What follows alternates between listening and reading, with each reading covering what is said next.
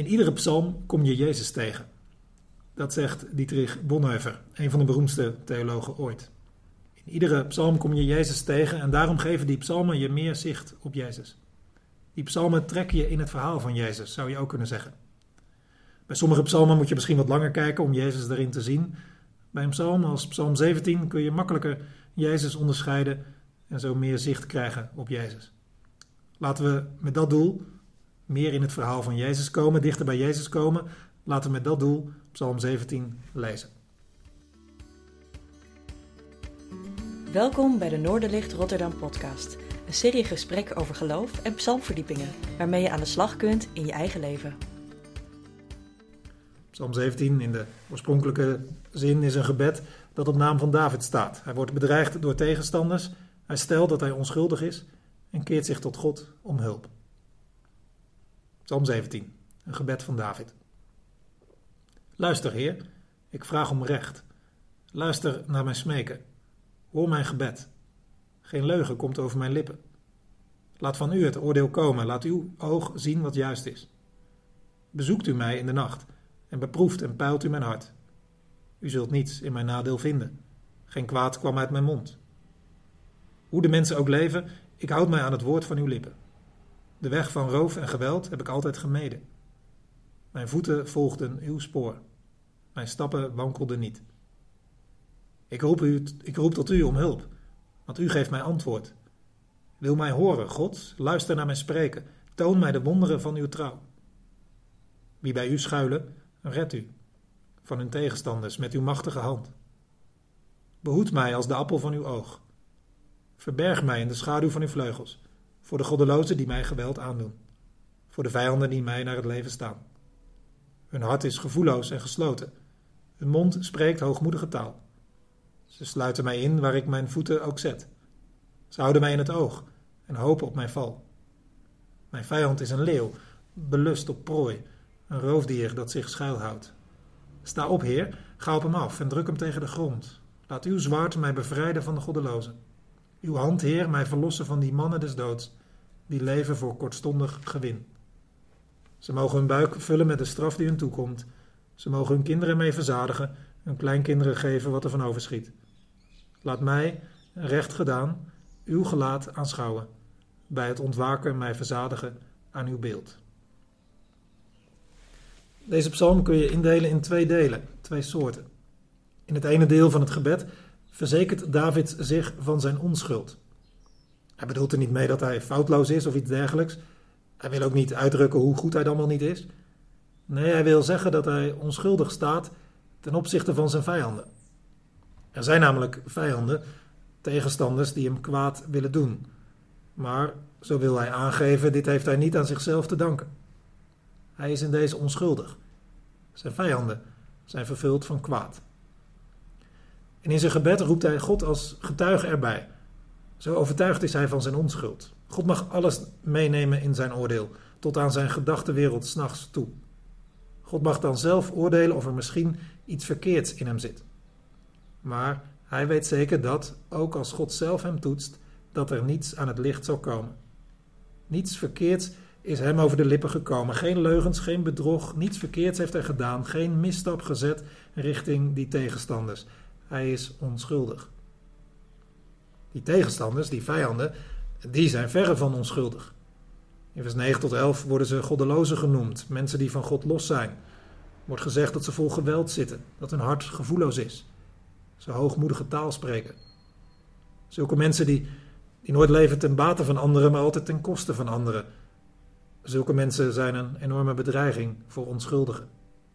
Zulke mensen lopen nog steeds rond. Ze maken tot op de dag van vandaag talloze slachtoffers. Soms gaan ze openlijk en bruut te werk. Het zijn de mensenhandelaars van onze tijd, de pooiers, de terroristen, de niets ontziende criminelen, slavendrijvers, agenten of, of soldaten van kwaadwillende regimes, noem maar op. Maar ze kunnen ook meer verhullend te werk gaan en zich verschuilen achter een ambt van politicus, advocaat of godsdienstige leider. Of hun geweld vindt altijd in het donker plaats of achter de voordeur. Of ze doen hun werk haast anoniem in grote organisaties via schimmige zaken, duistere praktijken en haast onzichtbaar vermalen ze allerlei mensen. Maar hoe het ook gebeurt, het gevolg is dat onschuldigen lijden, mensen van goede wil bedrogen worden en mensen worden uitgebuit. Dit soort kwaadwillenden zie je ook zich rondom Jezus verzamelen. Jezus, de meest onschuldige ooit, geen enkel bedrog kwam over zijn lippen. Hij was zuiver, volmaakt, goed.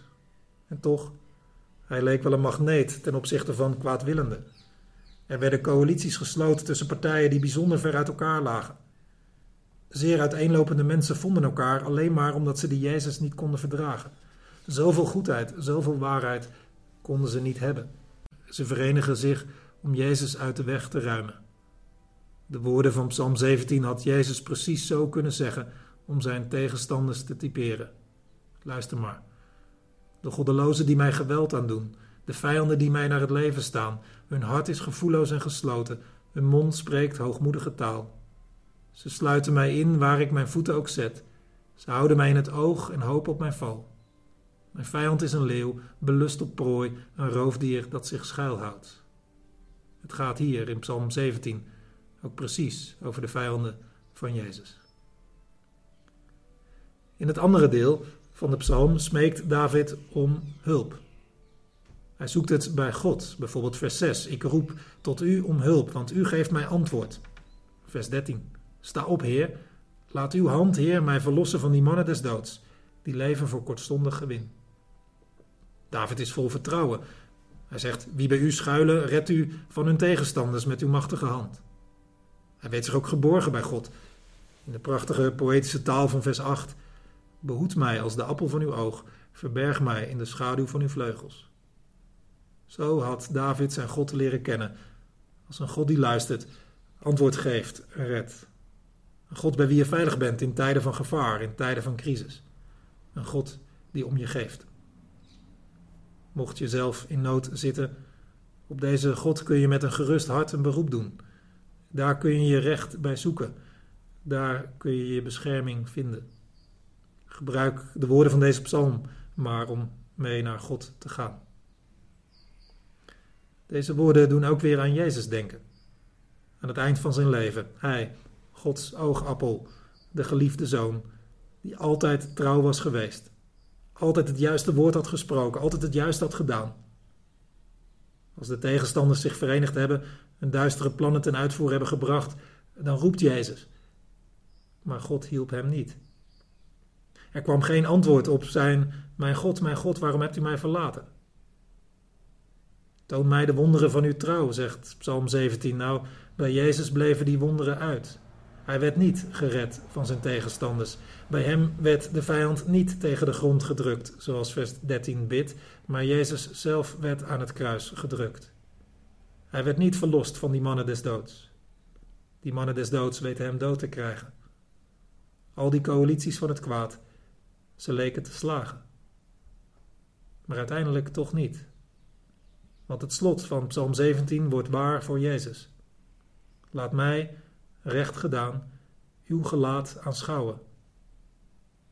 Jezus wordt toch recht gedaan door God, over de grens van de dood heen, want God wekte hem op uit de dood. Hij ontwaakt uit het graf.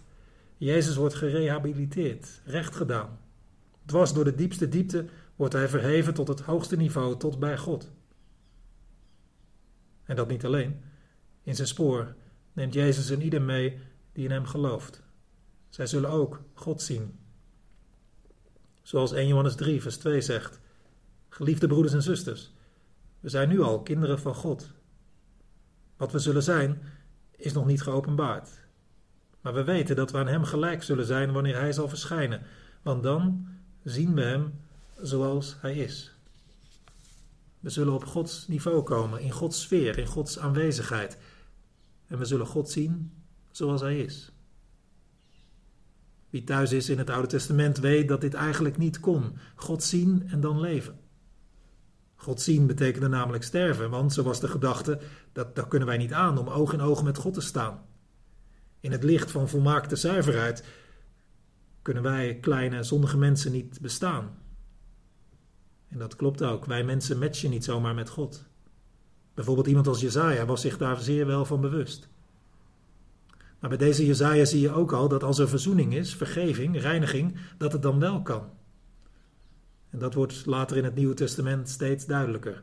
Wij komen daar, bij God, in Gods nabijheid, niet op grond van onze eigen zuiverheid of op grond van onze eigen onschuld. En ook niet vanwege alle compensaties die we in kunnen brengen door onze goede dingen. We komen daar, oog in oog met God. We kunnen daar komen te staan op grond van de zuiverheid en de onschuld van Jezus. Hij reinigt ons van alles wat kwaad is. Hij vult al onze tekorten aan. Hij maakt alles goed.